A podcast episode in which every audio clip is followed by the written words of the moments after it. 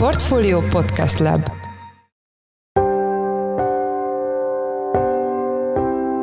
Mindenkit üdvözlünk, sziasztok! Ez a Checklist a Portfolio podcastja november 7-én kedden. Az adás első részében a hamarosan érkező új bónusz magyar állampapír sorozatról lesz szó, amelynek a korábbihoz képest nőtt a kamat prémiuma, de ettől függetlenül nem biztos, hogy ez versenyképessé teszi az infláció követő prémium magyar állampapírral szemben. Jól hangzik az, hogy három havonta fizet kamatot a papír, és jól hangzik az is, hogy a DKI hozamot meghaladó kamatprémiumot kínál, viszont ugye, hogyha azt nézzük, hogy a, az új bónuszállampapír is ugye éves szinten valamivel több mint 9%-ot fog adni, és a mostani prémium állampapír az ugye 14,75-on érhető el, tehát hogyha visszaosztjuk és nagyon durván kalkulálunk, akkor ugye havi szinten még mindig a prémium állampapír éri meg jobban. Vendégünk Árgyalán Ágnes, a portfólió pénzügyi elemzője. A második részben a csökkenő sertéshús termelésről és fogyasztásról fogunk beszélni.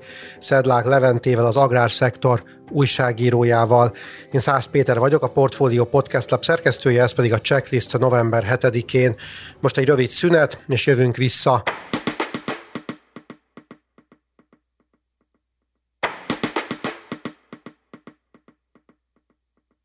November 9-én indul a Bónusz Magyar Állampapír új sorozata, amely a korábbinál magasabb kamatprémiumot kínál majd. Hogy ez mennyire éri meg a lakossági befektetőknek, arról Árgyalán Ágnest, a portfólió pénzügyi elemzőjét kérdezzük. Szia Ági, üdvözöllek a műsorban. Szia Peti, üdvözlöm a hallgatókat is. Mit kell tudni a BMAP-ról, mi a kamatbázisa, mennyi a prémium, mennyi most a teljes kamat, és milyen futamidővel érhető el ez a papír? Ahogy te is mondtad a bevezetőben, ugye most jön ki majd egy új sorozat a bónuszállampapír kapcsán, egy pár napon belül, és ez abban lesz új vagy másabb, mint a korábbi bónusz állampapírok, hogy az 1%-os kamatprémium helyett egy 1,5%-os kamatprémiumot fog kínálni.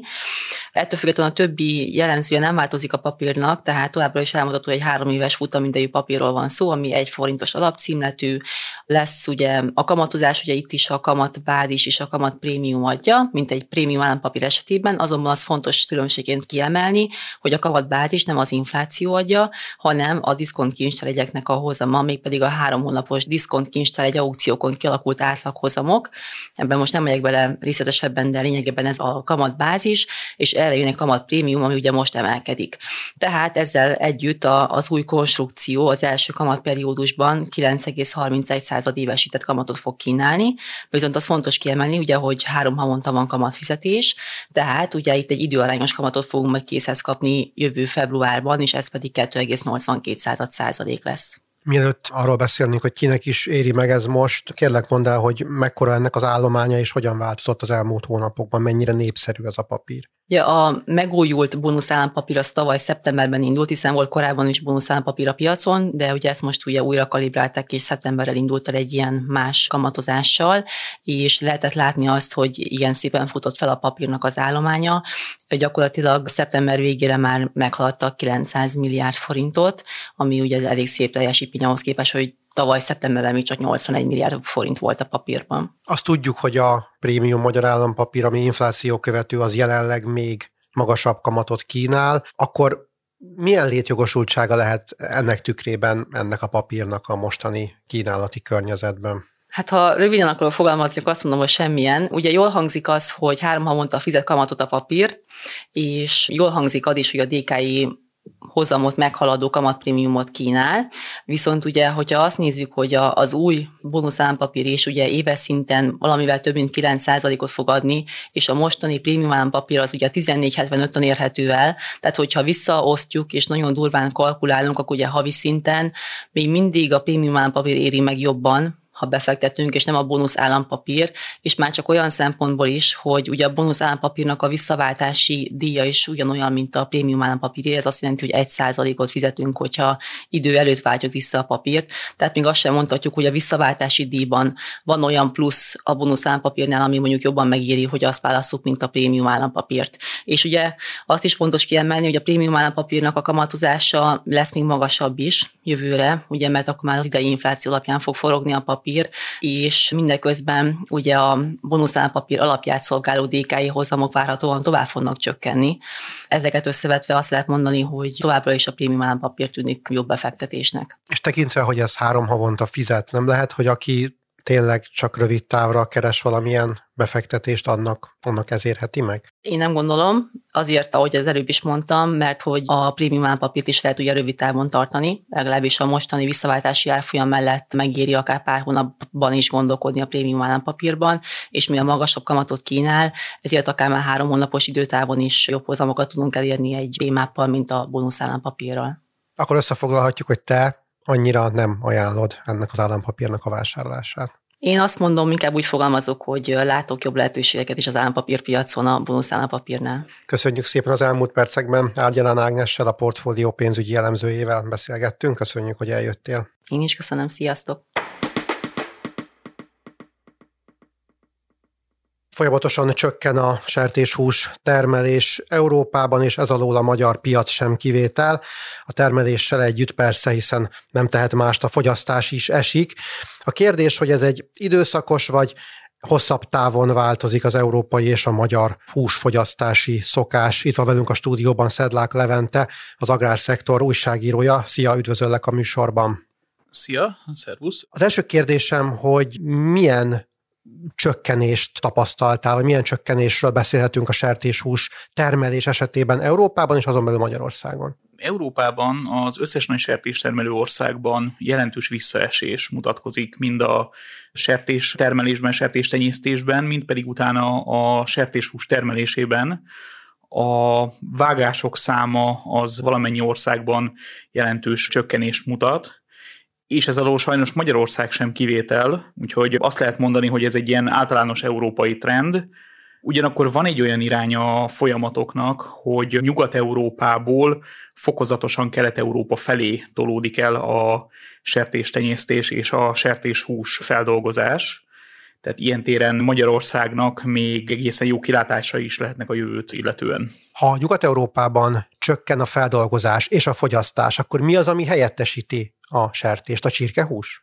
A csirkehús, és úgy általában az összes többi baromfi hús is, a kacsa, a pulyka, azok, amik most így európai szinten felfelé tendálnak. Írtál egy cikket az agrárszektorra ezzel kapcsolatban, és ott azt olvastam, hogy a magyar vágási mennyiség is csökkent, előbb azt mondtad, hogy valamilyen mozgás van Nyugat-Európából a keleti országok irányába, akkor Magyarországon ennek ellenére miért csökken, és mit várunk a következő években? Magyarországon a hazai termesztésű, tenyésztésű sertéseknek a vágása az, ami elsődleges, ugyanakkor a import is meglehetősen jelentős, tehát nagyon sok import sertést vágnak le a vágóhidakon, és most valóban az a folyamat figyelhető meg, hogy csökkent ez a, vágási szám, de az előbb már említett folyamattal ez később még növekedhet. Azáltal, hogy éppen ez a termelés és tenyésztés ez nyugatról kelet felé tolódik. Esetleg a magyar, vagy akár az európai piacnak jelentek konkurenciát mondjuk Ázsia, vagy akár Amerika, tehát kell-e konkurálnia a magyar vagy európai tenyésztőknek más kontinensek tenyésztőivel, vagy éppenséggel oda vihetik ki az általuk megtermelt húst. Konkurenciát semmilyen szinten nem jelent. Az ázsiai piac az egyszerűen akkora, hogy bármennyi sertéshúst fel tud venni, amennyiben az ellenőrzött körülmények között jön létre, és a szállítás során, tehát hogy rendben vannak a papírok. Ázsiában, ha jól emlékszem, Kínában egy ilyen 300 milliós sertés létszám van, és ez nem elegendő a saját belső fogyasztásra, és egyébként meg nem szabad azt elfelejteni, hogy az ázsiai országok azok óriási nagy sertéshús fogyasztók, tehát a világ legnagyobb sertéshús fogyasztása, egy főre eső sertéshús fogyasztása, az Hongkongban van, ahol évi 55,2 kg per fő. Ehhez képest egyébként Magyarország a FAO felmérése szerint egy ilyen 48 kg per fő per évvel a hatodik helyen van, tehát azért mi is nagy sertéshús fogyasztók vagyunk még mindig. Még kicsit visszatérve az európai és a magyar fogyasztásra, szerinted a mostani visszaesésnek van köze a reálbér növekedés mérséklődéséhez, és ha igen, akkor ezek a folyamatok megfordulhatnak-e akkor, amikor megint konjunktúra időszakába kerülünk? Szerintem inkább a sertéshús előállításnak a költségei nőttek meg rendkívüli módon, Az elmúlt években ugye a időjárásnak köszönhetően a gabonatermés az nagyon rossz lett, a takarmányból kevés volt, a takarmányköltségek megnőttek, energiaköltségek megnőttek, és folyamatosan ugye az állategészségügy terén is vannak változások, szigorodnak az előírások, ezt sokan, főleg a kisebb termelők nem mindig tudják lekövetni, úgyhogy ők kénytelenek felhagyni a tevékenységgel, bérnövekedést is számításba kell venni, tehát itt én azt mondanám, hogy néhány jó évnek kéne jönnie először ahhoz, hogy itt fellendüljön a, a sertéshús termelés. Köszönjük szépen az elmúlt percekben Szedlák Leventével, az agrárszektor újságírójával beszélgettünk. Köszönjük szépen, hogy a rendelkezésünkre álltál. Nagyon szívesen.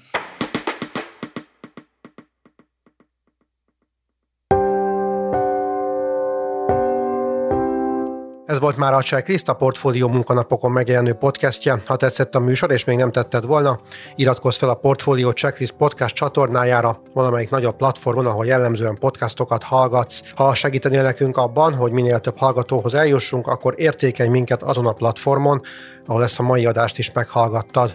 A műsor elkészítésében részt vett Bánhidi Bálint, a szerkesztő pedig én voltam Száz Péter. Új műsorral szerdán jelentkezünk, addig is minden jót, sziasztok!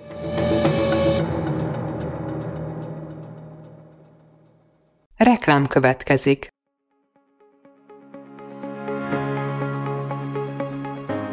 Raúl Müller Lajos vagyok, az Agrárszektor főszerkesztője. Májusban két tematikus konferenciát is rendezünk Kecskeméten az agrofood szektor szereplőinek. A május 22-én tartandó Portfolio Agrofood 2024 konferencia az élelmiszeripari vállalkozások, beszállítóik, a szolgáltató cégek és a kereskedők számára nyújt egyedi betekintést az aktuális trendekbe. A május 23-án megrendezendő Agrofuture konferencia pedig egyedülálló módon tematikus formában foglalja össze a hazai agrárgazdaság fenntarthatósági követelményeit és innovációs lehetőségeit.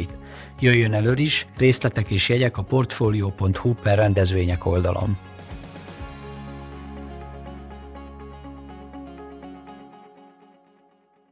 Reklámot hallottak.